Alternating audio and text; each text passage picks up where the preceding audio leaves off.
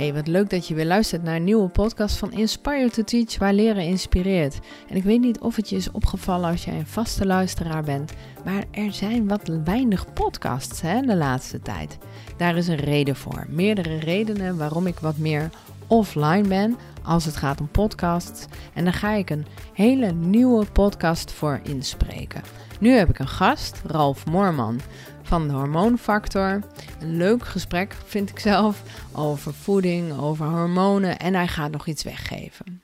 Nou, misschien denk je wel, ja, maar wie ben jij dan? Mijn naam is Mariska Bos van Inspire to Teach, waarin we ons bezighouden met mindsets, mindfulness, angst, stress, perfectionisme en al dat soort thema's. Die komen langs, niet alleen in deze podcast, maar ik geef daar ook trainingen en lezingen over voor het onderwijs. Dus ben jij nou echt even op zoek naar een levendige, praktische, grappige, fijne, feel good ja, training, lezing.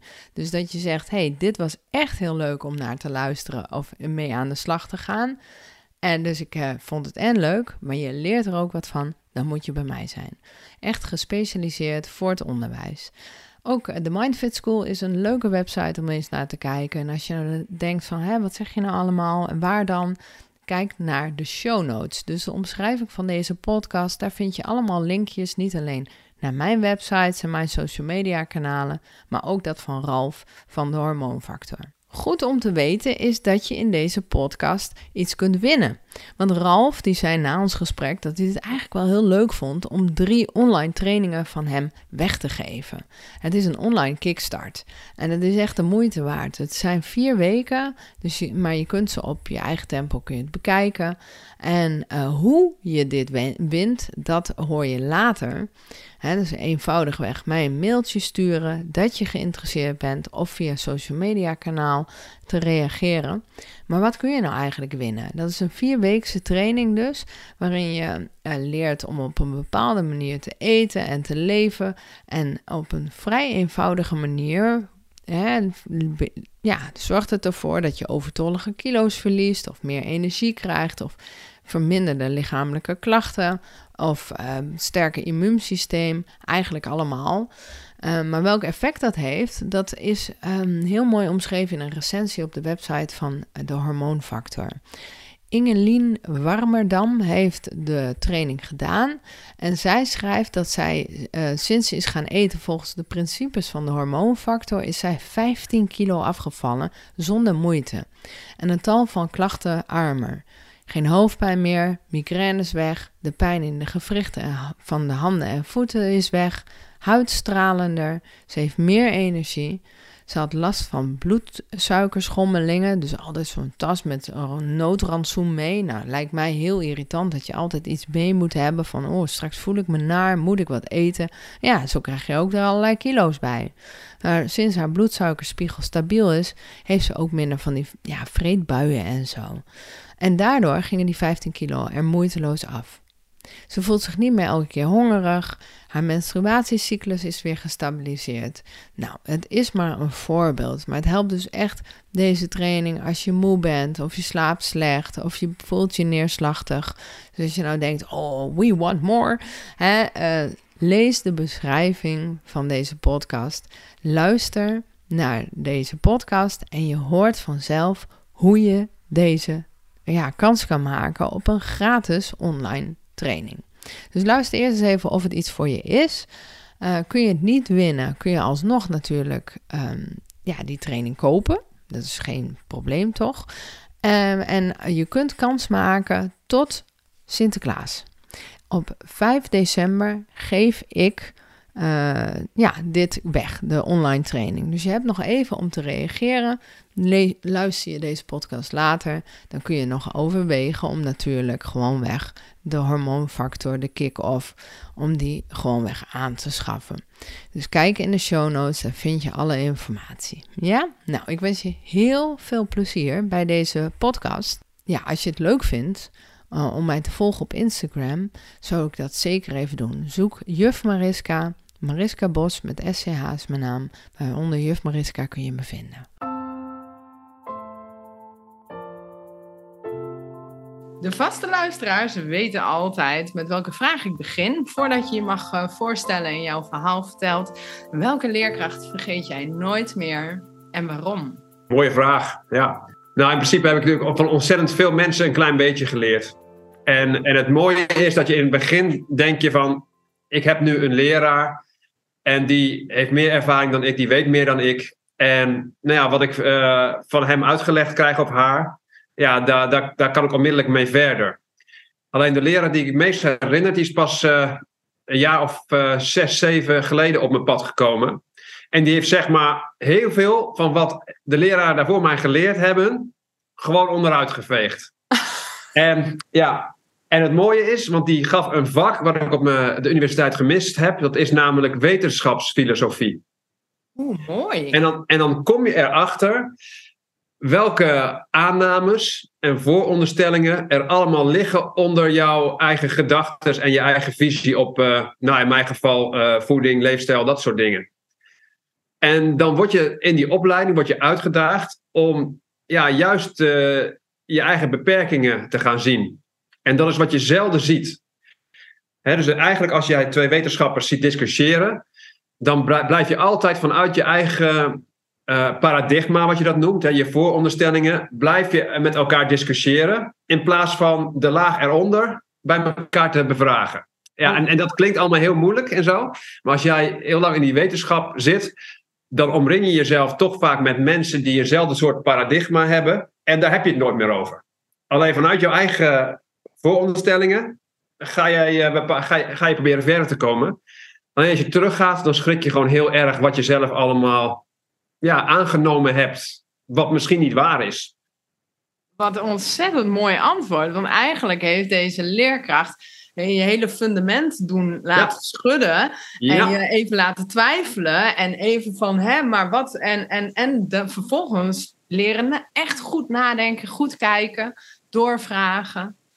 Ja, en het, en het mooie daarbij is ook dat, dat je uh, ja, ook lef gaat krijgen om dat, daar bij jezelf naar te gaan kijken. Want ik heb best wel veel discussies na die tijd ook met wetenschappers gehad. En ik merk, ze durven niet. Je, je, je, je, je bent, hebt zo'n controlegevoel en zo'n zekerheid ingebouwd in jouw fundament. Dat als je dat aan het wankelen bent, misschien dat je, dat je wel tot een conclusie komt dat je de laatste twintig jaar misschien verkeerd zat of het anders had kunnen doen. En dat doet pijn, hè? Oh. Ja, ja, ja. Ja, en die man die heet, heet Dick Veerman. En die uh, heeft ook een, een, een heel mooi uh, ja, site. Dat is foodlog.nl. waar hij allerlei dingen bediscussieert. Maar hij heeft dus een opleiding hiermee gedaan, uh, opgezet. En, en ja, dat is dus redelijk recent geweest. En dat maakt mij ook wel een stukje relaxter ook in discussies over wetenschap. Ja. Want soms dan word je keihard aangevallen. En mensen die zo overtuigd zijn, wetenschappers, van hun eigen fundament. En je hoeft maar een paar vragen over dat fundament te stellen. Of ze ja, worden kwaad, of ze antwoorden niet meer. Of het, is, ja, het is schitterend, maar ook leuk naar jezelf toe. Dat je erachter komt ja, hoe, ja, hoe kwetsbaar je eigen fundament is en hoe weinig je eigenlijk uh, weet. Ja, dat is helemaal waar. Ik ben toevallig net uh, al, uh, ben bijna klaar met het boek Socrates op sneakers. Oh, ja. Dus, uh, ik heb ook wel de wereld van Sophie en allemaal filosofische boeken wel, wel gelezen. En, en toch vergeet je het soms dat we eigenlijk heel weinig weten of we denken iets te weten. Ook als je met elkaar in gesprek bent, jij vertelt nu iets en ik denk dan, ja, ja, ik snap het wel, maar eigenlijk moet ik heel veel vragen gaan stellen om te, echt echt tot de kern te komen en echt te zien of ik eh, goed begrijp. Dus ja. dat boek, uh, dat, uh, ja, sowieso alle boekentips en linkjes, is even voor de luisteraars, die komen allemaal in de omschrijving van deze podcast. Dus als je denkt, oh, waar heeft hij het over? Dat, uh, kijk even de omschrijving, dit komt er allemaal in. Wat leuk, ik zie je ook helemaal stralen als je het over, over dit stukje hebt. Ja, dat vind, vind ik heel mooi. Ja, het is maar ik een soort persoonlijke ontwikkeling. Ook als je met, met, met, een boek aan het schrijven bent en, en, en, heel veel mensen in de praktijk aan het begeleiden bent. En je bent zoals ik wetenschappelijk onder, uh, ja, onderlegd uh, van origine. Ja, dan, dan wordt het ook interessant om te denken van... Goh, als ik nou mensen aan het begeleiden ben uh, in een maatwerk coaching... waarbij je kijkt naar voeding, training, stress en mentaal... en die persoon heeft resultaat... ja, waarom heeft hij eigenlijk resultaat? En soms kun je dat niet eens helemaal achterhalen. Alleen dan ben je heel blij met het resultaat en berust je erin dat je niet precies wetenschappelijk weet wat het nou was bij die persoon. En dat is wel lastig, want wij zijn mensen en we zijn nieuwsgierig en we willen dingen weten en die zekerheid. Hè? Oeh, ja. mooi. Ja, ja. Ja, dat is wel heel belangrijk dat we dat ook los kunnen laten. Ik werk veel met mensen met burn-out en stressklachten en perfectionisme. En dan heb je ook die, die eh, bijna controlezucht. Hè? Van, oh, als we het maar gewoon weten en als we het goed doen. En, maar wat is dan goed? En, en als je dan uh, begint met het coachingstraject, worden ze ook vaak een beetje wiebelig. Van, van ja, maar alles wat ik eerst had bedacht en hoe ik het deed, dat, dat is dus één grote illusie. Maar hoe dan wel? En dan, als ik dan zeg, ja, dat weet ik eigenlijk niet. Maar dat kunnen we gaan onderzoeken en bevragen. Dan zie je bijna paniek in de ogen. Wat ik heel goed begrijp, hè? Ja, is, is het ook. Ik kom natuurlijk ook bij jou voor, voor hopelijk voor antwoorden. Terwijl jij ja, vooral wil uh, inspireren en motiveren in een zoektocht naar zichzelf, die mensen. Exact, mooi gezegd. Gewoon, maar met wie ben ik nu in gesprek? Zou je jezelf eens voor willen stellen? Ja, mijn naam is Ralf Moorman. Uh, ik zei al, ik ben begonnen vanuit de wetenschapskant. En uh, ik was uh, op, de, op de Universiteit van Wageningen. En ik ben ingenieur levensmiddelentechnologie geworden.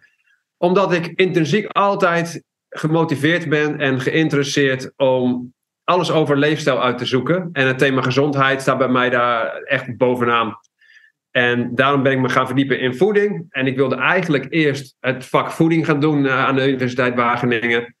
Maar toen heb ik met mijn vader erover gesproken. En uh, ja, Ralf, uh, als je werk wil hebben, kun je toch beter die levensmiddeltechnologie doen. Want dat zijn uiteindelijk de bedrijven die de, die de producten de supermarkt inkrijgen. Maar ook vanuit gezondheid kreeg ik daar een soort van idee van: hey, als ik dat nou doe, dan kan ik die supermarkt misschien wel gezonder maken. Ja, ja dat is natuurlijk heel erg gaaf. Alleen toen ging ik dat doen met mijn studie. En toen kwam ik erachter dat heel veel bedrijven, ook tijdens mijn stages, niet heel erg geïnteresseerd waren. Want de vraag was niet groot genoeg ten eerste naar, deze producten. En natuurlijk de kostprijs lag ook hoger, dus dat maakt het ook minder interessant. En een ander thema wat ik niet wist, daar kwam ik achter dat als jij hele natuurlijke oplossingen hebt, dan kun je geen patenten aanvragen, geen octrooien. En een concurrent kan je product zo namaken. En dus eigenlijk wil je een product gaan, uh, gaan toe-eigenen. Ja, en dus ga je daarbij vaak een nieuwe bewerkingsmethode introduceren met een patent of een, uh, ja, of een, uh, een, bepaalde toevoeging aan een, uh, aan een levensmiddel. En dus op dat moment, na mijn studie, ja, kon ik niet gaan doen wat ik eigenlijk wilde doen. En toen gaf ik niet meteen op. En ik dacht, als ik nou probeer mensen bewust te maken en de vraag te vergroten naar deze producten. Nou, toen begon ik op kleine schaal al met uh, mensen begeleiden in een rondleiding supermarkt. Om te laten zien wat, wat de pareltjes van gezondheid zijn in die supermarkt. Hopelijk gaan mensen dan meer kopen en dat, dat helpt op kleine schaal. En dat is later uh, ja, uit de hand gelopen. Ik ben personal trainer geworden en ik ben daarna een eigen methode gaan ontwikkelen op het gebied van gezondheid. Wat uiteindelijk de hormoonfactor is geworden. Het naam van het concept, mijn gezondheidsconcept. En daar is een boek van uitgekomen. En inmiddels is dat een, uh, dat meerdere boeken en een opleiding en van alles erop en eraan. Ja, en dat is heel erg groot geworden eigenlijk ja, in Nederland. Tenminste, veel groter dan ik verwacht had. En het mooie is dat intussen veel mensen door die boeken ook... en ook dat er heel veel andere schrijvers waren die inhaakten... Um, dat de vraag is veranderd, waardoor de supermarkt nu ook al anders is. En ook dat ik weer vaker gevraagd word om producten te ontwikkelen. En zelfs zo dat ik ook een aantal producten, producten heb ontwikkeld die er nog niet waren. En dat had toen nooit gekund en nu wel. Dus dat is eigenlijk, uh, kun je mij zien als uh, ja, twee dingen. Allereerst de ingenieur levensmiddeltechnologie die de supermarkt wil verbeteren en gezond leven uh, leuker, lekkerder en makkelijker wil maken. En aan de andere kant ben ik ja, de schrijver van een gezondheidsconcept, de hormoonfactor. Waarin ik samen met alle coaches uh, ja, mensen wil helpen om van klachten af te komen die met hormonen te maken hebben. En natuurlijk daarnaast, ook als je geen klachten hebt, ja, gewoon je, jezelf te optimaliseren. En wat uh, in mijn eigen zoektocht ook naar voren kwam, is dat op het gebied van gezondheid je soms denkt dat je heel erg fit en gezond bent, maar dat je je nog beter kunt voelen, zeg. Denk, nou, en dat heb ik zelf wel ervaren en het ervaren cliënten vaak ook. Ja, vertel daar eens over. Hoe heb je dat zelf ervaren? Mooi verhaal trouwens, heel compleet. Ik wil toch even, hè, dat het lekker, uh, leuker en makkelijker. Dat, dat, dat, dat spreekt me wel aan, ook makkelijk. Hè? Want veel mensen denken vaak met gezondheid, het is niet leuk. Het is, uh, ja, moet we heel hard voor werken. Het zijn ingewikkelde recepten. Je mag een heleboel niet. Maar volgens mij zijn dat hele oude denkfouten. Is ook zo. En, en ook eigenlijk, als je mijn visie bekijkt, dan ben ik heel erg voor natuurlijk leven en dicht bij de natuur staan. Maar dat wil niet zeggen dat ik ouderwets ben in het bereiden van voeding en dat soort dingen. Want ik heb, ik heb natuurlijk die studie levensmiddelentechnologie uh, gedaan. En op zich is technologie en, en dingen die daar uh, zijn ontwikkeld, die zijn niet per definitie slecht. Het is alleen wat doe je ermee? Je kunt hem gebruik, ja, gebruiken om producten goedkoop uh, en ongezond te maken je kunt het ook inzetten om juist de, de gezondheid te vergroten, de gezondheidswaarde van de producten. En daarnaast ook het een stuk makkelijker te maken. Hè, dat je niet drie uur lang in de keuken hoeft te staan. Uh, terwijl het al voor je gedaan is, terwijl het net zo gezond is. Hè, dus, dus in feite gezond leven leuker en makkelijker maken. Dat gaat over de supermarkt allereerst daar meer alternatieven neerleggen. Maar ook de andere kant, uh, de verleiding uh, verminderen. En, en daar komt de overheid eigenlijk ook weer naar voren.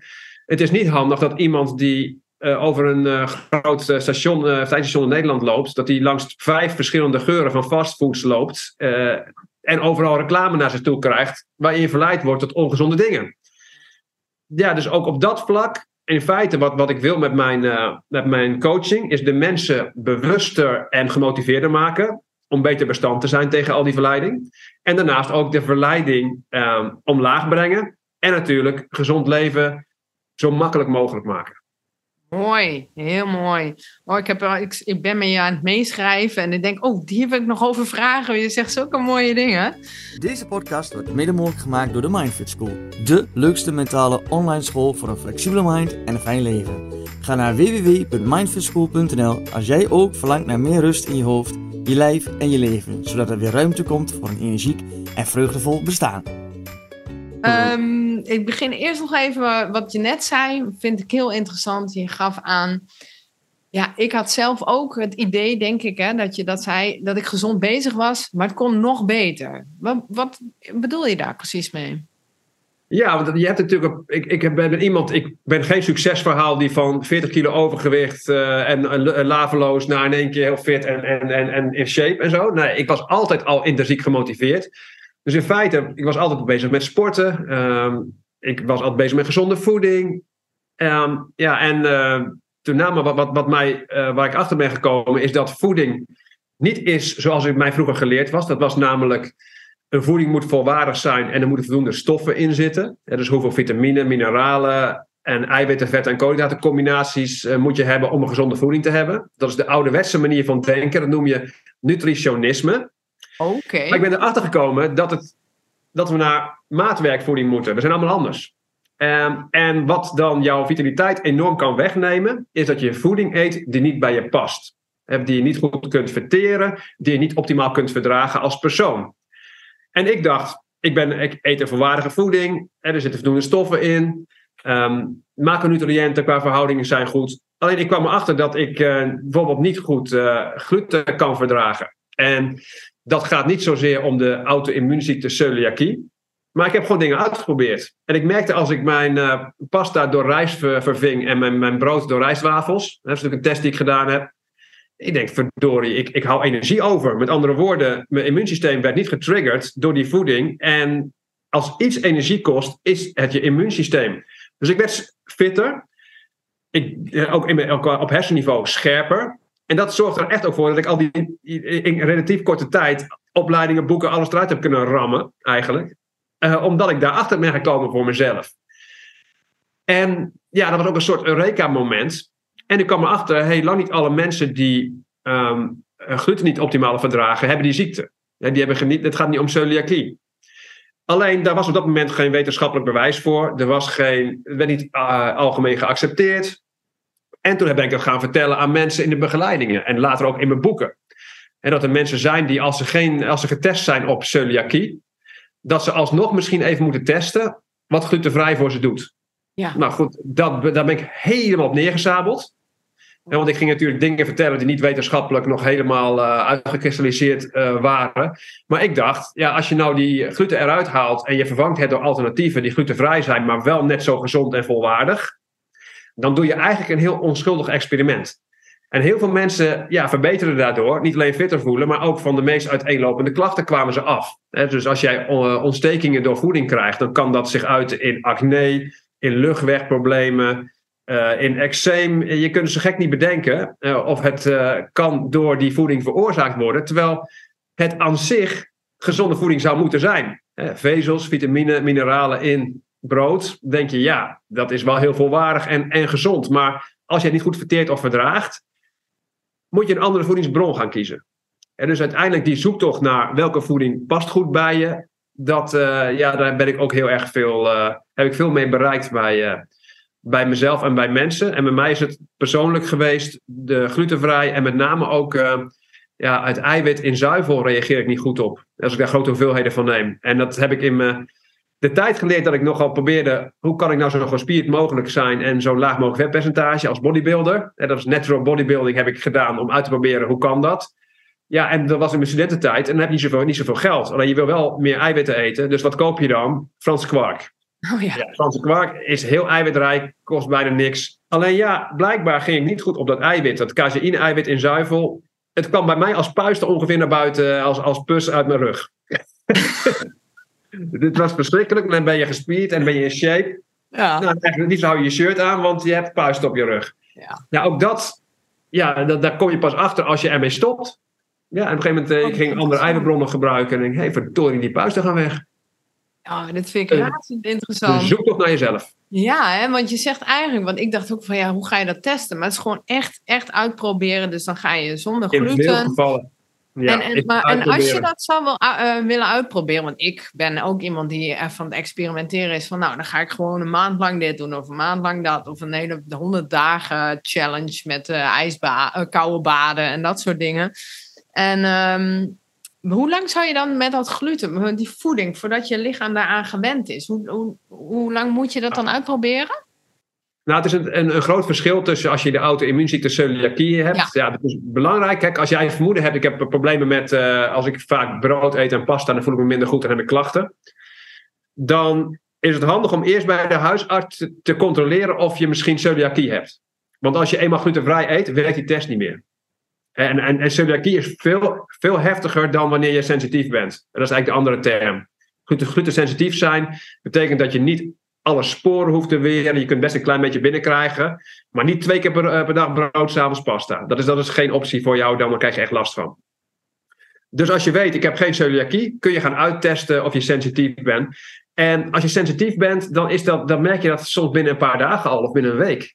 Want oh. als je immuunsysteem niet reageert, hou je energie over. Ja. Kijk, een ontsteking zal iets langer nemen. Hè, puisten die weg moeten gaan of eczeem. Dat, dat kost even tijd. Maar je immuunsysteem qua energie merk het vaak best al snel. En dat is een groot verschil met de celiakie. Want als je echt celiakie hebt, dan is je darmwand vaak helemaal aangetast. En dan heb je maanden nodig voor je echt weer goed gaat voelen. Alleen bij, als je sensitief bent, heb je dat niet, heel, niet zo heel erg. Herstelt zich snel. Ja, en dan weet je eigenlijk al, uh, al een boel meer. En zeker als je daarna bijvoorbeeld wel weer een, dag uh, brood en pasta gaat eten. En je merkt van, hé, hey, ik voel me weer moer en ik krijg weer mijn klacht terug. Daar leer je van. En het lastige is dat ook binnen die voeding heel veel dingen gewoon niet goed uh, te meten en testen zijn in het laboratorium. Zo'n celiakie kun je wel meten. Je kunt uh, voedselallergieën met bepaalde testen nog wel een beetje uitzoeken. Maar die lichtere sensitiviteiten is toch vaak uh, het wel of niet eten eventjes. En kijken of je verschil merkt. En dat is best moeilijk. En dan zijn er twee dingen die bij mij opkomen. Eén is gewoon, is dat niet gewoon allemaal gezeur en gezeik over die gluten? Want dat hoor ik dan veel. Oh, en dan zie je dat weer glutenvrij op een menu. En dan hoor ik zo in mijn omgeving zo van, ah ja, allemaal die, die, die mensen die zo overgevoelig zijn. Nou ja, dus aan, aan die kant. En aan de andere kant denk ik, uh, hoor ik ook wel eens... Um, je moet je, je immuunsysteem of, of je systeem ook een beetje prikkelen of zo. Als je helemaal glutenvrij doet en je neemt dan gluten, dan heb je een probleem. Wat vind jij van die opmerkingen? En wat is er nou echt eh, waar ik, ik, snap het wel. Ik, ik, snap het heel goed. Alleen, ja. besef, als je celiakie hebt, dan, dan kun je geen beetjes gluten eten, want dan ben je onmiddellijk ziek. Dus dat, dat is duidelijk. Die mogen echt, echt geen sporen binnenkrijgen, geen kruisbesmetting. Dat is allemaal uh, geen optie. iemand die sensitief is, ja, je hebt natuurlijk allerlei gradaties van sensitiviteit. En sommige mensen krijgen pas last bij die twee keer per dag brood, s'avonds pasta. En als ze dan uh, ja, alleen maar uh, één uh, glutenmaaltijd per dag hebben, voelen ze zich al een stuk beter. Nou, dat is op zich al, prima. Maar weer anderen hebben bij, bij zo'n grote maaltijd last. En kunnen wel hè, een, beetje, een beetje tarwe in een koekje bijvoorbeeld prima. En anderen, ja, het is echt, echt een zoektocht naar, naar jezelf. Alleen het lastige is wel, heel veel mensen die dit zo zeggen, hebben het nooit geprobeerd. Dus dat is ook zo. En daarnaast hebben ze ook gelijk dat er mensen zijn die er wel goed op gaan. Ja, Oké, ja, het is gewoon echt uitproberen. Je kunt er dus helemaal niks van zeggen, al zeker niet over een ander. En probeer het zelf eens uit. Ik ga het uitproberen. Je hebt mij aangezet. Je hebt mij uh, helemaal, want ik denk ja, een beetje meer energie. En dat kunnen we allemaal wel gebruiken. Want ik ben ook wel uh, van mening dat ik lekker bezig ben. Nou moet ik zeggen uh, dat ik ook wel op het puistjes dingen aanga. Dat ik denk, oh ja, mijn huid werd wat onrustig. En, nou heb dat kan inderdaad ook van alles zijn. En dat is, is een zoektocht. En natuurlijk ook in de boeken in mijn boeken, je begint bij de dingen die, die het vaakst voorkomen. Ja. gluten en, en zuivalovergevoeligheden komen natuurlijk erg vaak uh, voor, relatief. Um, het mooie is, hè, ik zei al, ik ben in het begin verguisd vanwege uh, dat ik mensen glutenvrij soms niet uitproberen terwijl ze geen celiakie in de test hadden. Ik denk, nou, onwetenschappelijk schandalig. Maar het mooie is, inmiddels is het al heel veel jaren later en bestaat er een term non-celiac gluten sensitivity in de wetenschap. Ja, uh, dat zag ik toen in de praktijk al. Ja. Uh, en dat zie je heel vaak ook met wetenschap, dat daar toch een bepaalde uh, ja, periode tussen zit. En dat, de onderzoeken die nu bezig zijn, daar hebben we het over celiakie, is minder dan 1% van de bevolking. En tussen 7 en 11% heeft in lichte tot zware mate uh, ja, dus last van, van glutensensitiviteit. Oh, dat is nog best wel hoog hoor. Ja, ja. ja dus, dat is, dus daarom dat het ook er zoveel over gehad, mensen het over hebben. En ja, er zijn ook heel veel mensen die licht sensitief zijn, die gewoon beter niet die twee keer per dag brood, s'avonds pasta kunnen eten en iets minder daarvan kunnen eten. Alleen dus ja, toch een zoektocht naar uh, hoe je uiteindelijk in balans uh, komt. En het is ook hoeveel je, je, je in balans wil komen. Hè? Ik bedoel, ik ben iemand die is super fanatiek om die laatste procenten eruit te halen. En ook hiervoor, ik voelde me echt niet, niet slecht of ziek. Alleen ik kon me nog beter voelen en daar ga ik dan voor. Ja, dat is mijn persoonlijke intrinsieke motivatie. Ja, nou, de mensen die, waar ik mee werk, hè, die, wat perfectionisten, overachievers, die veel uit hun leven willen halen. Ik denk dat dit wel een, groep mensen aanspreekt. En uh, wees daar niet te krampachtig in, lieve luisteraar, als dit uh, voor jou geldt. Maar ik uh, moet heel eerlijk zeggen, de vorige podcast, niet hiervoor, maar daarvoor, oh nee, een andere podcast van Rieneke Dijkinga, die heeft het ook over voeding. En ik ben bij haar geweest en toen heb ik heel lang geen kaas gegeten. Hè? En dat ging eigenlijk wel heel lekker. En nou had ik een wat onrustige huid, merkte ik. En toen dacht ik, hé, hey, wat gebeurt hier nou? En wij hebben nu weer nieuwe met uh, bloemkoolbodem ah, pizza's maken. Heerlijk. Nou, en daar doen we dan toch wel van die hardcore kaas op. En toen denk ik, ja, dat is wel een beetje mijn laatste verslaving weer. Ben ik toch weer aan die kaas? Nu je het erover hebt, denk ik, hé. Hey, ja, ja. Ja. De kaas is, is een krengetje hoor. Het het is de, en natuurlijk de, de, de, toch, het mondgevoel en de, en, de, en de smaak. Mensen kunnen er gewoon heel moeilijk vanaf blijven. Het geeft toch een soort gelukstopjes in je hersenen. Uh, ja, blijf er maar eens vanaf. Ja, ik, ik, ik snap het, uh, het probleem. En er zijn ook nog niet echt, vind ik, vervangers die zuivelvrij zijn, die hetzelfde effect geven op je. Nee. Dat, maar ik vind het wel uitdaging om dat zelf te gaan ontwikkelen hoor. Daar ben ik, dat soort dingen ben ik wel mee bezig. Dat, nou, uh, heel graag. Ik zou graag dan van jou kaas willen kopen. Yes. Hey, maar eerst ja. moet, het, moet het goed genoeg zijn. Eerst het beest stemmen voor je het uit zijn kooi laat. Ja, groot. Mooi uitgesproken.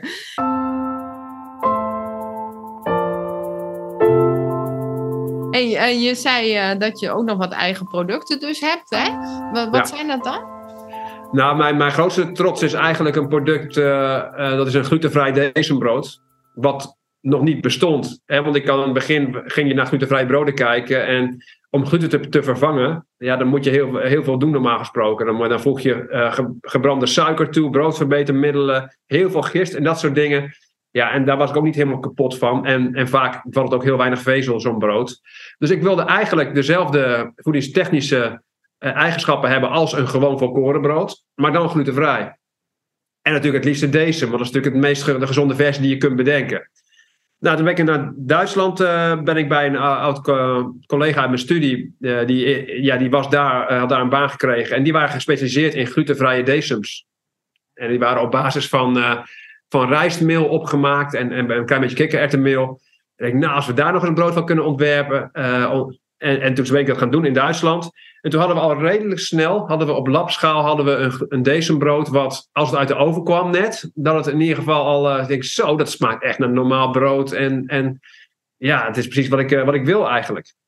Nou, toen had ik dat klaar. En toen denk ik, had ik bijna aan mijn achterban al gecommuniceerd van, goh, het komt eraan, het gaat heel goed, uh, fotootje erbij, bla bla bla. Het heeft nog drie jaar geduurd om dat ding zo te kunnen maken dat hij op in grote hoeveelheden in de supermarkt terecht kon komen. Um, en dat heb ik gedaan bij uh, een bestaand label Jan. Die hadden al glutenvrije producten. En die hebben een bakkerij in de Doetinchem. Ja, en daar hebben we hem eigenlijk um, op, naar fabrieksschaal opgeschaald, die vier, vier, dagen houdbaar is. En daar zijn heel veel jaren overheen gegaan, helaas. Dus het was echt een uitdaging. Maar het is uiteindelijk gelukt en hij is inmiddels al vele jaren op de markt en wordt gewoon goed verkocht. En blijft hopelijk ook nog forever te koop. Oh, fantastisch. Dus het monster is uit zijn kooi gekomen. Ja. Ja, mooi. Ook hierin zal ik een link naar jouw website uh, uh, zetten. Want ik heb gezien dat daar ook het broodmeel uh, te koop is. Ja. Dus, en ik bekijk gewoon gerust de website, lieve luisteraars. Want het is um, ja, heel volledig. Heel veel informatie over allemaal hormonen. En boeken en van alles wat je allemaal. ja, maar ook heel veel onderwerpen. Hè? Natuurlijk, ja. er bestaan heel veel hormonale klachten bij mensen. En als je dan zoekt op die klacht en daarnaast ook nog op Google hormoonfactor erachter zet. Ik heb over zoveel onderwerpen blogs geschreven. Want in, mijn eerste boek kwam uit in 2009. En, en sindsdien ben ik alleen maar door blijven werken, doorschrijven. En, en eigenlijk, ja, er is al zoveel, ook, ook als je gewoon even wil, wil, wil, ja, een begin doormaken. Dan kun je gewoon een site lezen. En ja, uiteindelijk zijn er veel mensen die dan toch het, alles willen. Die willen een boek hebben. En uh, op een gegeven moment worden ze ook homeopathe coach. Nou, die zijn helemaal enthousiast. Alleen het begint al bij het gewoon gratis lezen van dingen. Ik heb zoveel geschreven, dat uh, gebruik van zou ik zeggen. Ah, geweldig. Ja, want ik geef al even een klein, ja, ik verklap eigenlijk al wat. Dat jij wat moois weggeeft hè, aan onze, onze luisteraars. aan het eind van deze podcast zou ik eventjes wat inspreken over hoe het werkt. Je kunt kans maken op drie kickstarts, want die geef jij weg. Dat zijn drie trainingen. Wat zijn dat eigenlijk? Online kickstarts. Ja. Dat is een online kickstart. Um, je moet beseffen, ik schrijf natuurlijk al heel veel jaren boeken.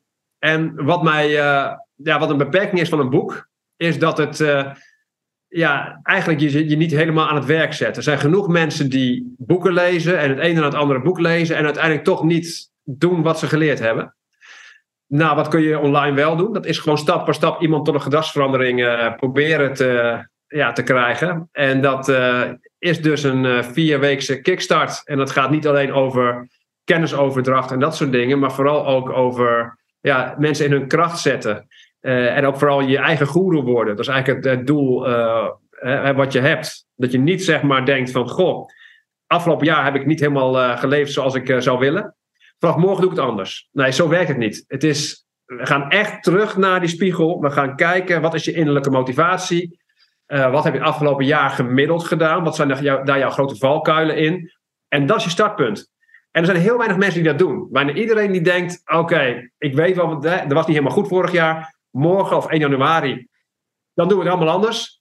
En dan gaan we in één keer, vergeten we al die karrensporen die in je hoofd zijn ingereden, uh, uh, waar je weer in terug kunt vallen. Ja. Nee, dat, dat, dat doen ze dan niet. Terwijl daar, daar vind je de oplossingen. Mooi. Dus het gaat echt over wat kan je al helpen aan, met die gedragsveranderingen op lange termijn. En niet dat je even twee weken je best doet en dan weer terugvalt. Nou, mooi. Dus uh, luister deze podcast af en dan aan het eind uh, hoor je wel hoe jij uh, kans kan maken op die mooie training. Als je denkt, die wil ik wel. En als je toch geen kans hebt gemaakt, dan zou ik zeggen, kijk even op de, de website van Ralf, want er staan hele mooie dingen op. Leuk hey, maar dus de hormonen, hè? Als ik het nou eens... Maar ik ga even heel flauw. Ik ben 47 jaar. En ja, ik ga dan een beetje richting die overgang, of ik zit er eigenlijk al in, hè. Ik heb een druk bezette baan. Ik ben ambitieus. Ik uh, vind mezelf uh, minimaal sportief. Maar uh, je ziet geen overgewicht. Ik doe hartstikke mijn best. Maar toch ja, merk ik dat ik die overgang een beetje. Ik word er een beetje wiebelig van. Hoe kan ik ervoor zorgen dat ik er daar een beetje glad doorheen ja. kom? Ik zal allereerst je verwachtingen een beetje managen, proberen. Oh. Ehm, een overgang kun je niet voorkomen en je kunt hem ook niet terugdraaien. Maar ik hoor allemaal hele erg helverhalen ook. Hè. Zijn ze waar en, en hoe zit dat? Ja, zijn wel... ja, dat zijn natuurlijk klachten uh, die erbij kunnen ontstaan. Um, je merkt wel dat, dat natuurlijk die overgang is iets en de een gaat er eerder in en de andere weer later. En bij de een duurt die maar een jaar, bij de ander duurt het eh, 15 jaar. Um, en wat het eigenlijk natuurlijk, natuurlijk is, hè, wat, wat krijg je met de vrouwelijke cyclus? Meestal af, af, vanaf je 35ste, dan begint de cyclus al iets te veranderen. Je hebt een, eh, een cyclus van gemiddeld zo'n 28 dagen. En met name de tweede fase van die cyclus, die wordt eigenlijk steeds een beetje zwakker. En in die tweede fase, daar wordt progesteron aangemaakt. Dat is één van de vrouwelijke hormonen. En je hebt natuurlijk oestrogeen, maar ook progesteron. En als je dan steeds meer richting die 40 gaat, wordt progesteronfase wordt zwakker. En progesteron die zorgt bijvoorbeeld voor uh, ja, dat de kans op zwanger worden groot is. Dat het vruchtje goed kan innestelen. Dat is eigenlijk een heel. Daarom wordt de kans op zwanger worden ook steeds uh, moeilijker. En zeker als je boven de 40 gaat, die progesteron wordt zwakker. En wat er ook dan plaatsvindt, is het uh, fenomeen oestrogeendominantie. Want de oestrogeen blijft nog veel aangemaakt worden en progesteron wordt wat minder.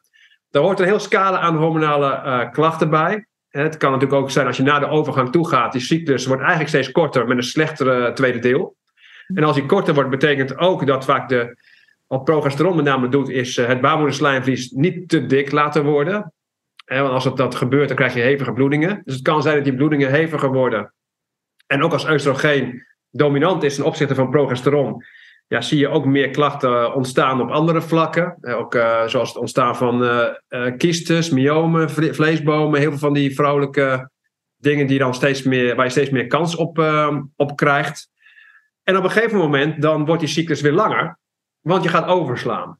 Nou goed, dan kom je echt, dan werk je uiteindelijk naar die menopauze toe. Hè, menopauze is gedefinieerd als natuurlijk de laatste ronde die je gehad hebt. Mhm. En dat weet je pas als je de eerste verjaardag ervan viert. En dus een jaar later zeg je met terugwerkende kracht: Oké, toen uh, was de laatste ronde, is de menopauze geweest.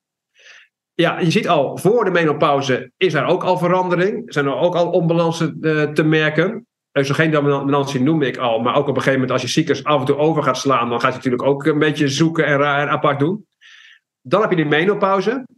Wat er dan meteen gebeurt is eigenlijk, je progesteron wordt meteen al laag. Want die wordt met name na de ijsprong aangemaakt en die is er dan niet meer. Dus progesteron is dan zwak, is een van de vrouwelijke hormonen. En je zou verwachten, oestrogeen gaat ook onmiddellijk lager worden en blijft laag. Was het maar waar.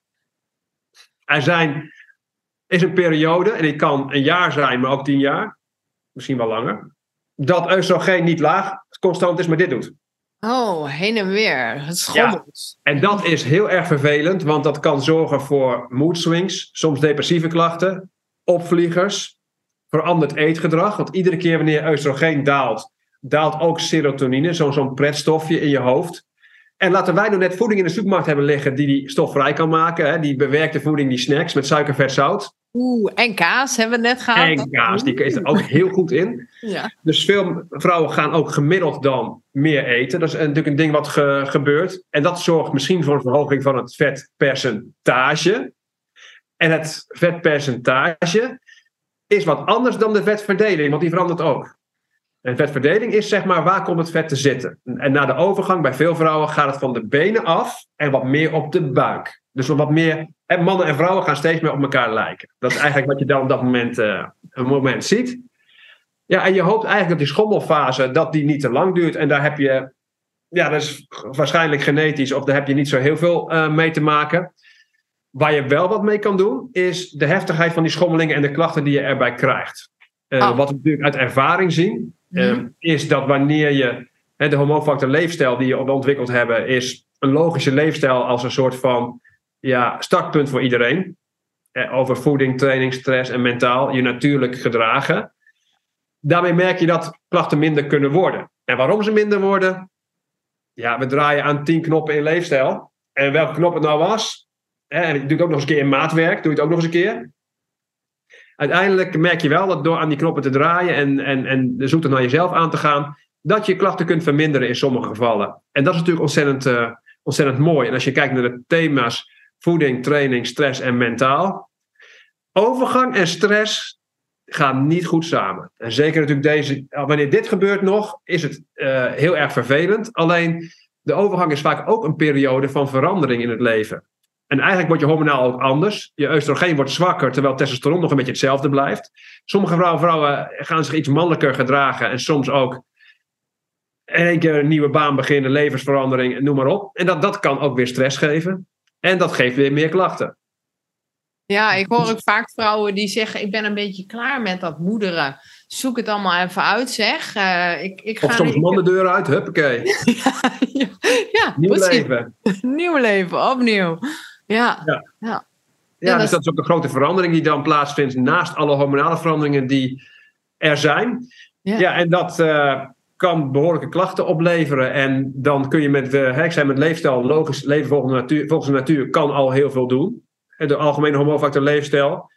Maar soms hè, heb je ook symptoombestrijding. En ik ben niet, in principe niet tegen symptoombestrijding. En soms kom je er niet onderuit. Want er zijn vrouwen die zulke hevige klachten krijgen. En zelfs echt zo depressief raken. Of, of een andere klacht hebben die met de overgang te maken hebben dat je blij bent dat er soms ook hormonale therapie bestaat, waarbij hormonen dus toegediend kunnen worden. En soms tijdelijk ook, en zeker tijdens de jaren waarin dit nog een, eh, echt aan de gang is, dat het toch een beetje hulp is. En, en, en dat, tegenwoordig is er ook veel meer uh, ontwikkeling op dat vlak. Ik heb zelf eh, heel veel kennis gehaald uit Amerika, en daar hadden ze al een heel vroeg stadium hormonale therapie, dat was al heel erg populair. En dat deden zij met bio-identieke hormonen. Dus eigenlijk geen farmahormonen die aangepast zijn, niet chemisch, maar gewoon je eigen hormoon en dat in lage doseringen toedienen. En dat is uh, in Amerika ook relatief snel bekend geworden. Ik denk al tien jaar geleden was Oprah Winfrey en de vrouw van Dr. Phil, die vertelde daar al over, dat ze daarmee ja, toch eigenlijk de, eh, de rol van de natuur een beetje lieten overnemen door die, uh, door die hormonen. En daar kun je voor of tegen zijn. Dat is natuurlijk ook een, een levensinstelling. Wil je de natuur helemaal zijn gang laten gaan of wil je daar wat tegen doen? En ik denk ook dat als jij hele heftige klachten hebt, dat je blij bent dat er dan nog een soort van symptoombestrijding bestaat. En dat is andere uh, symptoombestrijding dan natuurlijk de hormonen die je normaal gesproken bij de arts krijgt, die chemisch aangepast zijn, waar wat meer bijwerkingen nog van bekend zijn. Ja, en hoe komen we aan die natuurlijke hormonen dan? Hoe werkt dat? Ja, je merkt in, in Amerika is het overal. Dat, oh, dat, dat is, dan zou je naar maar, maar, in Nederland heb je nog een aantal plekken. Ik werk uh, veel samen met Barbara Haveniet. Daar heb ik ook het uh, boek voor vrouwen mee geschreven. En die is uh, vrouwenarts. En die, ja, die werkt daar ook mee. Wil, die kan ook wel de normale hormonen voorschrijven indien nodig. Want die hebben ook weer andere voordelen soms. Maar in dit geval kan ze ook voor bio-identieke hormonen kiezen. Hè? Mocht je iets uh, willen doen of, of bijna genoodzaakt zijn om te doen, omdat je niet, niet meer slaapt of zo. Hè? Dat soort ja, ja precies. hevige dingen. Ja, interessant. Dus uh, wil je hier nog verder induiken, dan zou ik zeggen, hè, kijk ook eens naar de boeken die, uh, die jij dus verkoopt op je website. Mooi.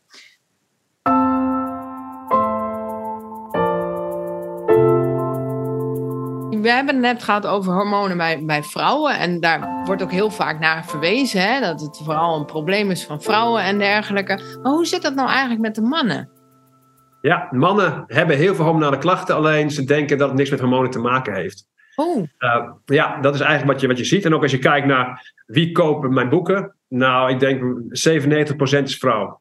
Ja. En ik kan dan nog allerlei dingen gaan vertellen over uh, mannelijke hormonen en klachten die daarbij ontstaan ja, ik merk gewoon nog steeds als mijn mannenboek de testofactor verkocht wordt, is het heel vaak een vrouw die het koopt voor de man. Dat is, ja, ik weet niet waarom dat is, maar dat, dat werkt blijkbaar zo. Alleen als je kijkt naar de, de typische hormonale vrouwenklachten in eh, het vrouwenboek, zijn dat er 40. In het testofactor staan er 23 mannenkrachten die met hormonen te maken hebben.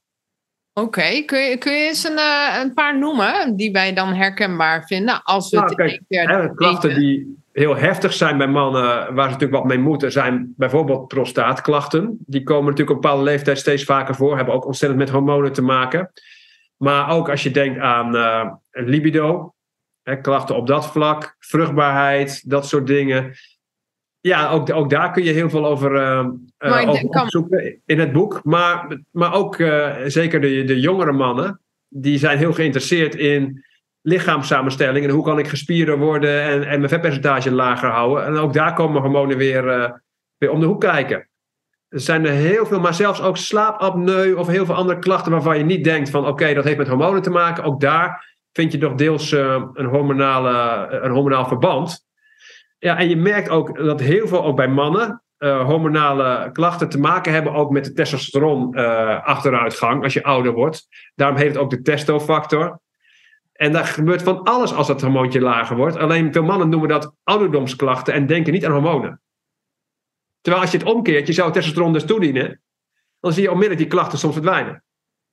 Ja. En het mooie is ook dat je natuurlijk hè, de, de werkzaamheid uh, van je testosteron en uh, de achteruitgang die er is, ja, je kunt met leefstijl een heleboel doen om dat te verminderen in ieder geval de, de, de, klachten die erbij komen kijken, daar kun je ook heel veel mee. En, en ja, ik vind eigenlijk dat die testofactor bij iedere man in de kast zou moeten staan. Ik vind het ook mijn beste boek, eerlijk gezegd. Oh Want ja, ja ik heb als man dat kunnen schrijven. En ik heb mijn eigen verhaal, kan ik daarin delen. En het leuke is ook de manier van schrijven. Ik kan ook grappen maken die ik natuurlijk, als ik voor mijn vrouw schrijf, wat meer mee op moet passen, omdat ik zelf een man ben. Dus ja, alleen ja, het is wel mijn minst verkochte boek, maar ik vind het mijn beste boek. Oh, wauw. Ik ben wel benieuwd wat je dan zegt, uh, mijn eigen verhaal. Want, uh, en ja. ik moet natuurlijk ook even aan mijn eigen man uh, denken.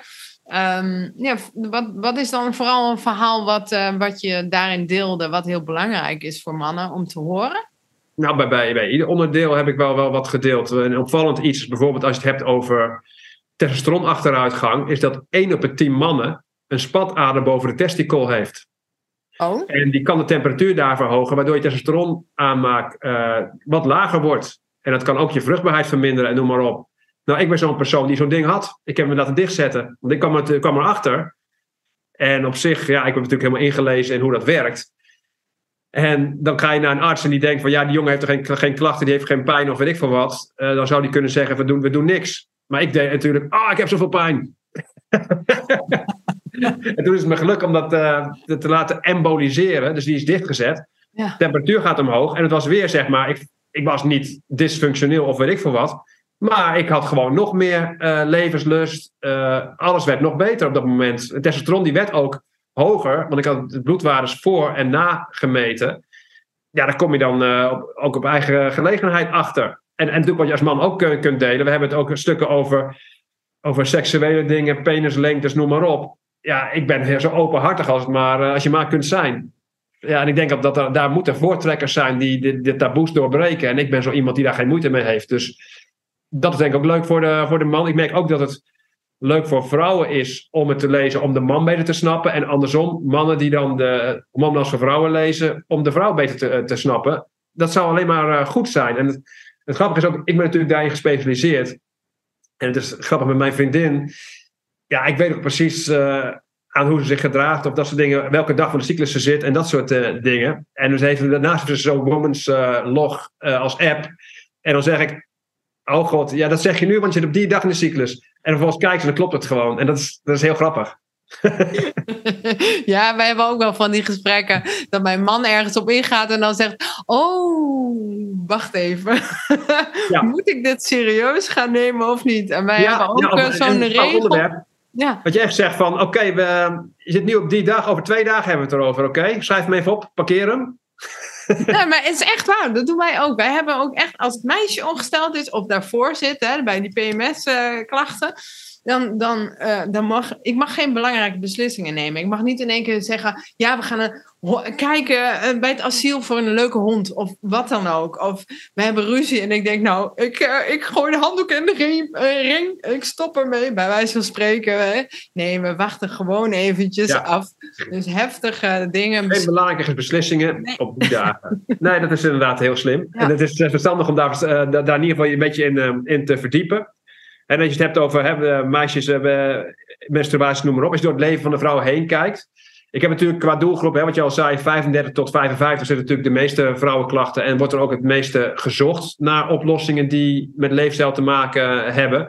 Maar ook op jongere leeftijd uh, zie ik ook al veel gebeuren. Met name natuurlijk ook het begin van de, um, van de vrouwelijke cyclus. De eerste menstruaties gaan vaak ook heel erg moeilijk. En vooral het lichaam moet nog leren om vooral om progesteron aan te maken. Dat is een van de moeilijkste. Dus daar zie je veel klachten over. Vaak begin je ook met, ook een cyclus die kort is en heel heftige bloedingen bij de meisjes in het begin. Uh, dan komt natuurlijk de fase van dat je uh, ja, acne, jeugdpuistjes, dat zie je vaak optreden. En dan uh, als je hebt rond de 20 bijvoorbeeld.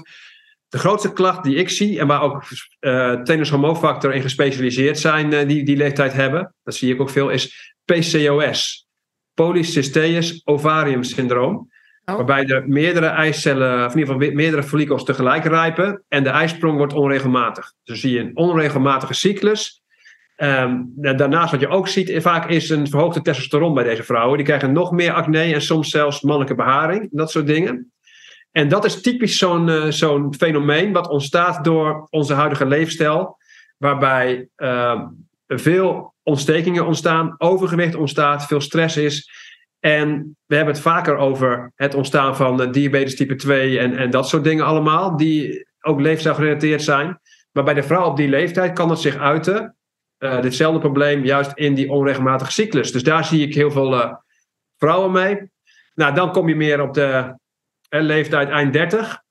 Dan krijg je de oestrogeendominantieklachten. Ik zei al, progesteronfase wordt zwakker. En dan krijg je ook, ook vragen, niet alleen over deze klachten, maar ook over hoe kan ik zwanger worden na de 40. Dat is ook wat je veel ziet. En dan begint de opmaat naar de overgang weer. En dan heb je ook weer heel veel hormonale klachten die er spelen. En dit gaat alleen over de, de vrouwelijke hormonen nu eventjes. Maar wat je ook veel ziet bij de vrouw uh, zijn problemen op het gebied van de schildklier. Komt heel veel bij vrouwen voor. En daar kunnen we met leefstijl behoorlijk wat mee doen. Want wat de meest voorkomende oorzaak van een trage schildklier, dat is de ziekte van Hashimoto. Dat is een auto-immuunziekte. En wij kunnen met leefstijl erg veel doen om het immuunsysteem wat te temperen. Uh, en dan kan het zijn dat de klacht minder wordt, de persoon zich sowieso beter voelt. En soms zelfs dat je ja, dat ook de arts de medicatie aanpast naar lichtere dosering. En soms zelfs naar nul. Dat hebben we ook meegemaakt. En dat is natuurlijk het mooie van het samenwerken van het medische specialisme met dan weer de leefstijl. Want we doen allebei wat anders. En een arts doet geen leefstijl, tenminste bijna niet. En wij doen geen medicatie. Dus het uh, is een hele mooie samenwerking die daarbij uh, ontstaat. Um, dan wat ik ook veel zie en wat meer met jouw thema te maken heeft, is burn-outs. En en burn-out uit zich soms ook in een lichamelijke burn-out. En je hebt natuurlijk ook soms bore-out, waarbij als je iemand in zijn passie zet en iemand gaat iets nieuws doen wat energie geeft, die knappen onmiddellijk op. Maar als je echt lichamelijk helemaal uitgeput bent, dan hebben we daar een term voor die niet zo wetenschappelijk is. Dat noem je bijnieruitputting. Ja. Het is gewoon eigenlijk, bijnieruitputting is een syndroom. En syndroom betekent een verzameling van allerlei symptomen uh, die in dit geval door chronische stress kunnen ontstaan, waar we het precieze mechanisme nog niet achter weten. Wat we wel weten, en als je kijkt naar hormonale reactie, is dat de bijnier die het stresshormoon cortisol maakt, niet goed meer anticipeert op de prikkels uit het zenuwstelsel. Dus normaal gesproken, wat doet de bijnier? Met cortisol zou die je s'morgens wakker moeten schoppen. En dan word je fit wakker. Nou, dat gebeurt niet meer op dat moment. Iemand die in burn-out zit, die wordt vaak moe wakker. En dat is ook een probleem. En cortisol moet s'avonds laag zijn. Nou, die is vaak dan te hoog. Dus je dagritme verstoort dan. En dat zie je ook in dagcurves als je een speekseltest zou doen bij iemand die dat heeft. Uh, dus kun je wel een beetje achterhalen. Cortisol is ook een ontstekingsremmer. Dus heel veel mensen na een lichamelijke burn-out die bijna uitputting krijgen, die krijgen in één keer een netelroos, gordelroos of andere rare ontstekingen. Dat zie je ook natuurlijk veel, veel dan, uh, dan optreden. Dan een ander hormoon wat daar gemaakt wordt is aldosteron, belangrijk voor de bloeddruk. En veel mensen die krijgen juist uh, op dat moment een wat lagere bloeddruk. En soms behoefte aan zout en dat soort dingen is ook logisch. En, en die bijnier functioneert dan gewoon niet helemaal optimaal. En dat is ook ja, bijna een epidemie bij mensen. Dus die hele verzameling klachten die zie je dan optreden. En het lastige is ook als iemand daar vanaf wil komen en een bijnier is echt uitgeput en die zou moeten herstellen dat hij daar best wel lang mee bezig is. En ik denk zo'n zo'n van iemand met een, met een burn-out die ook nog lichamelijk is, daar kun je soms een jaar mee bezig zijn. ja, ja, ja. ik kom het echt tegen hoor. Dat is echt uh, heel, heel verdrietig. Mensen die, uh, niet eens meer goed kunnen lopen, constant duizelig zijn, uh, dan omvallen. Um, ja, bloeddruk hè? Ja, ja, ja, en, uh, en de meest vreemde fysieke klachten. En, uh, en denken, ja, hoe kan dit nou, weet je wel? En, en de arts die kan eigenlijk niks vinden. En dat is echt wel. Um, en dat duurt echt ook heel lang. Want het zijn vaak hele fanatieke mensen die uh, ja, heel veel dingen te doen hebben.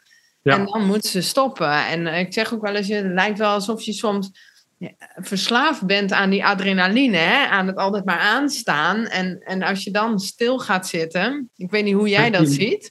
Ja, zeker, dat is ook zo. Maar, maar je merkt ook dat mensen die dit dus hebben, en mhm. die bij de arts eigenlijk zoiets krijgen van ja, het is een stressklacht. Uh, ga, maar, ga maar ontspannen, rustig aan doen, weet ik veel wat, wat, wat ze voor advies krijgen. Maar ze krijgen natuurlijk geen, geen echte diagnose. Nee. En als je vervolgens uitlegt wat een bijnieruitputting is en welke klachten daarbij ontstaan, en ook als je de hormonen uitlegt waardoor deze ontstaan, dat mensen een soort van berusting vinden. In van oké, dit heb ik. Ja, um, er is mij ook verteld hoeveel moeite eh, dit kost om dit te herstellen, hoeveel tijd het kost, dat ze dat ook los gaan laten. Want ze hebben het gevoel, oké, ik heb bijna uitputting. En als je geen uh, kapstok hebt om je klacht aan op te hangen, dan is dat vaak heel frustrerend. Zeker voor mensen die ook in de burn-out komen. Het zijn vaak mensen die heel veel behoefte hebben aan controle en dat soort dingen. En dat kun je ze daarmee met, met dit, dit syndroom, als ze daarover lezen, dan kan ze dat wel uh, ja, wat meer rust geven. En dat is mooi dat, dat het bestaat. Alleen ja, medisch wordt het niet onderkend. Medisch wordt alleen maar onderkend als je bijna, echt bijna geen cortisol meer aan kan maken door een auto-immuunziekte. Dat is de ziekte van Addison. Ja, en, en dat, dit is eigenlijk meer een syndroom wat met leefstijl te maken heeft. En daar heb je ook bij de arts eigenlijk niks te zoeken.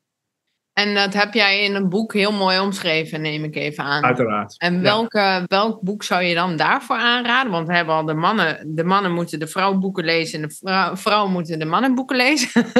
Ja, ik heb, een, ik heb een algemeen boek, dat heet De Hormoonfactor, is echt het basisboek. Eh, dus ook uh, niet de basis over hormonen en hoe je je leefstijl uh, kunt optimaliseren of uh, in algemene zin voor je hormonen. Mm En dan heb je natuurlijk de verdieping voor de man en verdieping voor de vrouw. En vaak veel mensen beginnen met de, de hormoonfactor en gaan zich daarna uh, verdiepen. Maar ook je kunt alvast wat uh, gratis dingen gelezen op de, op de website hoor. Dus ook een bijna putting, ook een blog over geschreven. Alleen heel veel mensen worden zo enthousiast dat je toch ja, het, het, hormonale systeem beter wil leren snappen. Ja. En dat niet alleen voor jezelf, maar ook voor je naasten. En, en dat je heel ja. veel dingen herkent en ook anderen weer kunt helpen. En, en uiteindelijk de mensen die graag anderen helpen. Nou goed, daar zit deze podcast denk ik qua luisteraar vol mee. Ja. ja. die gaan vaak uiteindelijk, nadat ze zelf het resultaat hebben, dan ook weer anderen helpen en gaan een opleiding doen. Dat is eigenlijk wat ik vaak zie. Ja, leuk, leuk.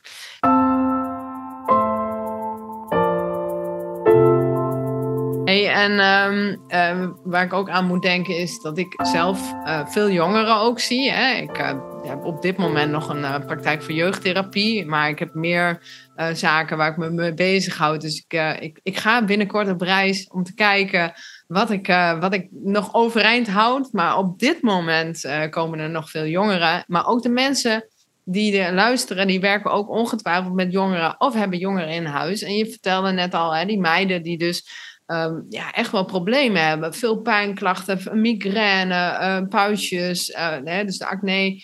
En wat, wat kunnen zij doen op het moment dat je zegt van... Goh meid, dit, je, want we horen vaak, ja, acne hoort erbij. Maar ik geloof niet dat het helemaal waar is. Wat kunnen wij dan zeggen tegen die mensen? Wat kunnen ze, hoe kunnen we ze een beetje op weg helpen? Nou, ik, denk gewoon jongeren en, en op zich, zeker als je over pubers hebt vanaf die leeftijd. Die leefstijl voor uh, volwassenen en jongeren is in principe nog wel hetzelfde. Als het gaat, om voeding, training en stress. Um, waar ik de verschillen zie als ik uh, jongeren begeleid, is de motivatie. Waar wordt een jongere door gemotiveerd? Vaak zijn ouderen die hebben al klachten en pijn. En die zijn door pijn getriggerd om iets te gaan veranderen in hun leefstijl. Sommige jongeren, daar is de pijn nog niet groot genoeg. Die voelen zich fit, die kunnen alles nog. En, eh, en, en die, hebben niet zoiets van: goh, ik ga vanuit preventie uh, dingen doen. dat zijn maar weinig jongeren die intrinsiek gemotiveerd zijn om de leefstijl uh, te optimaliseren. He, vaak, vaak waar worden jongeren nou door getriggerd? Als ik een lezing geef voor, uh, voor jonge mensen, ja, toch ook door waardering krijgen van een potentiële partner. Dat zijn natuurlijk uh, dingen die heel erg spelen. En dan, dan, is uiterlijk natuurlijk ontzettend belangrijk. Onzekerheid over uiterlijk en dat soort dingen. Dat is vaak de, de trigger die je op die, uh, op die leeftijd ziet. Alleen waar ik mezelf meest zorgen over maak bij jongeren, is de stress- en mentaal kant. Ehm, ik, denk, ik, ik, ik denk dat eh, ik het vroeger veel makkelijker heb gehad dan de jeugd nu. En zeker als je je natuurlijk wil gaan gedragen, wat natuurlijk het beste is voor hormonen. En je wordt vanaf jongs af aan al bijna eh, gechipt met een, eh, met een telefoon en weet ik veel wat. dat je altijd verbonden bent met, met heel veel prikkels. Dat dat ver van de natuur staat en dat je hormonale systeem dus daardoor ook enorm onder, onder druk staat. Dus ik vind het heel mooi wat jij doet, sowieso, dat jij deze doelgroep nu begeleidt. Want jij doet een van de moeilijkste dingen ook. En, maar ik denk wel een van de meest zinvolle dingen. Ja, ik moet ook zeggen, ik, ik, zit elke keer van, ik moet keuzes maken. Maar ik vind de trainingen en lezingen voor het onderwijs vind ik te gek om te doen. Uh, en nou ja, de Mindfit School, de mentale sportschool voor de mensen die meer rust in hun hoofd blijven en leven willen. Maar die praktijk voor jeugdtherapie, ik vind de jeugd ook echt een hele moeilijke doelgroep. En dan zit ik ook vaak bij de, met de begaafde en hoogbegaafde uh, jongeren. Um, en dan in die puberteit, ja, dan is het dubbel oh, Dan moet je van goede en, en dan verbinding vinden. Dat ja. is zo moeilijk. Ja, ja. ja. En, uh, en uh, ja, dus ik, ik, ik heb, ja, daar waar ik kan, probeer ik toch alles wel een beetje te doen. Uh, maar goed, ik moet gewoon kijken waar word ik blij van en wat heeft de wereld nodig. Hè? Dus ik ben heel benieuwd wat ik ga doen. Maar er zijn gelukkig heel veel goede, mooie jeugdtherapeuten die, uh, die ook zeker met deze jongeren aan de slag uh, gaan. Heel goed. Ja. ja het, is, het is heel mooi hè, als je het hebt over hulpverleners, therapeuten. Ja. Um, het is natuurlijk gigantisch kracht die je hebt als jij graag anderen wil helpen. Maar het is ook een gigantisch gevaar. Ja. Voor je eigen gezondheid en om in een burn-out terecht te komen als, het, als het gaat richting compulsief helper worden, ook daar moet je jezelf bij in, in de hand houden. Hè? Ja, voortdurend hoor. Ik ben al, al jaren bezig met mijn eigen persoonlijke ontwikkeling. Begon een beetje op mijn achttiende mijn interesse. En, uh, ja, en, en mijn zoektochten van uh, hoe kan ik dit nou beter doen. En uh, nou ja, goed, ik ging op een gegeven moment de PABO doen. En ik ben therapeut geworden. En ik hou van mensen. Ik vind elk verhaal interessant. En het is ook bijna ook op elk feestje kan ik niet een normaal gesprek voeren. En daarin heb ik ook de neiging om meteen te gaan helpen. Het wordt een beetje zo'n tik, weet je wel. En dan ook te stoppen en dan te weten van, ja, weet je, je kunt niet iedereen helpen. En het is nee. ook een keertje klaar. Dat blijft altijd een uitdaging. Ja. Ik kan weer dezelfde opmerking eh, plaatsen. Hè? Je moet het beest eerst temmen voor je het uit zijn kooi laat. Echt. Ook met helpen van mensen. Exact, ja. ja, heel mooi, heel mooi. Die, uh, die gaan we onthouden. Mooie uitspraak. Goed. Ja, weet je, ik vind het gewoon hartstikke mooi. Het hele werk wat je doet en hoe je erover vertelt. Um, dit is nog maar een, een, een, puntje van de ijsberg. Uh, is, er, is er tot slot nog iets wat je mijn luisteraars graag mee wil, uh, wil geven? Een, een, ja, een daar gouden tip. Ja, ik zet je even voor. Nou, ik, ik, had natuurlijk, ik, ik had hem eigenlijk al een beetje geplaatst met, met uh, als helper wordt geen compulsief helper. Ik, uh, hou je eigen valkuil in de gaten. Want ja, de, de, veel luisteraars zijn natuurlijk hulpverleners. Uh, tenminste, wat, het vermoeden wat ik had. Ja, onderwijzers, hulpverleners. Ja. ja. dus dat is heel erg belangrijk. Let goed op, je, op jezelf. En ja, al, alvorens hè, je iets zou willen doen met wat ik hier verteld heb... en dingen wil lezen over gezonder leven en je hormonen in balans brengen... het startpunt is altijd waarom zou je het willen? Ja. Ja. En, als, ja, en heel veel mensen stellen zichzelf die vraag niet en beginnen gewoon ergens aan en blijken het toch niet graag genoeg te willen. En gaan iets te moeilijks doen. Dus je, allereerst ga je kijken hoe graag zou je het willen. En eigenlijk moet je het gewoon al bijna voor je zien. Stel je voor dat ik dit de komende jaar ga doen. Hoe zit ik er dan bij over een jaar? Of andersom, stel je voor dat ik het niet zou doen. Hoe zie ik er dan uit? hoe zie ik er dan bij over, over een jaar? Nou goed, maar vanuit die motivatie ga je voor jezelf bepalen. De volgende stap is, Hoeveel zou ik ervoor over hebben om daar te komen? En met dat in je achterhoofd ga je bij jezelf uh, persoonlijke stappen maken. Waarbij je begint naar je afgelopen half jaar of jaar gemiddeld te kijken in leefstijl. Voeding, training, stress, mentaal. Dan kom je erachter. Wat zijn nou de dingen waar ik het meest kan winnen? Ga daar eerst afspraken met jezelf over maken. Daar begin je mee. En dan ga je mijn boek ernaast lezen. En misschien je nog wat toe gaat voegen. Maar ga niet dit allemaal overslaan. Mijn boek lezen. Kijken wat voor eetschema staat erin. En dat klakkeloos volgen. Zinloos. Nee, dat is echt, dat zijn, nou, dit is al prachtig wat je, als je nu denkt van, hè, wat zijn die nou allemaal, spoel het even terug, schrijf die stappen op en ga ermee aan de slag. En uh, kijk vooral ook op de website al die mooie blogs, al die informatie die je deelt. Het is echt prachtig. Nou, ik, uh, ik wil je ontzettend bedanken dat jij uh, een tijd wilde vrijmaken om met mij in de podcast te komen kletsen. Jij bedankt en ontzettend graag gedaan natuurlijk. En succes met alle mooie dingen die je gaat doen. Het feit dat je deze podcast tot het einde hebt beluisterd zegt al wat. Hè? Je bent vast geïnteresseerd in die kick-off van de hormoonfactor van Ralf Moorman. Zo niet, dan kun je deze podcast nu uitzetten. Kun je even doorspoelen tot het einde. Krijg je zo'n vinkje vaak bij de podcast-app waar je luistert. Weet je dat je deze helemaal hebt afgeluisterd. Wat ik heel leuk vind om af en toe eens te horen van of je de podcast überhaupt luistert, wat je ervan vindt. Misschien weet je nog iemand waarvan je zegt, nou daar moet je echt eens mee in gesprek gaan Mariska. Dat vind je vast geweldig en ik ook als luisteraar. Misschien wil je nog iets meer weten over mij of de thema's waar ik over spreek in het onderwijs. Um, maar hoe win je nou die podcast? Of de, de, maar hoe win je nou die online training? Wat je moet doen is eigenlijk twee dingen. Ik vind het wel heel prettig als jij op mijn inspiratielijst staat. Dus er staat een linkje in de show notes, in de omschrijving van deze podcast, dat je je kunt inschrijven voor de gratis inspiratiemail. Dat doe je. Ja, dan, dan zit je in mijn inner circle. Dan mis je niet meer allerlei gave dingen die ik organiseer. Soms een filmavond met het thema trauma.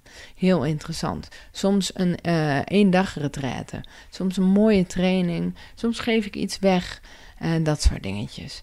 En wat je moet doen is mij een mail sturen naar info at inspiretoteach.nl of info at mindfitschool.nl is ook prima. En dan zeg je dat jij graag die kick-off van Ralf Moorman van de hormoonfactor wil hebben. Zoiets. Het hoeft, zorg dat ik begrijp waar het over gaat, die podcast. Dus twee dingen. Schrijf je in voor de inspiratiemail, zodat ik weet: hey, jij met, die, dit e-mailadres en deze naam, jij uh, bent degene die in mijn inner circle zit. Dan gun ik jou die kick-off. En het tweede is: stuur mij een mailtje ik weet, het lijkt een beetje gedoe, maar je mag er ook een beetje moeite voor doen als je dit echt wil. En je doet dit, is de kans groot dat je wint. Ik denk namelijk zelf dat er niet zo heel veel mensen reageren. Mensen zijn soms een beetje lui, mensen willen het ook niet. Dus doe de moeite, schrijf je in voor de inspiratiemail. Schrijf, je, uh, schrijf mij een mailtje info at En wie weet is dat ene gratis cadeautje wel voor jou. En je weet waar je het voor doet, hè? Meer energie, misschien wat minder kilootjes. Die vage lichamelijke klachten, daar wil je nou eens vanaf. Wat stabieler zijn, dan is dit echt wat voor jou. Nou, ik ben benieuwd of jij de stap gaat zetten en ik zie het wel. Ik zie jou wel verschijnen in mijn uh, e-mailbox.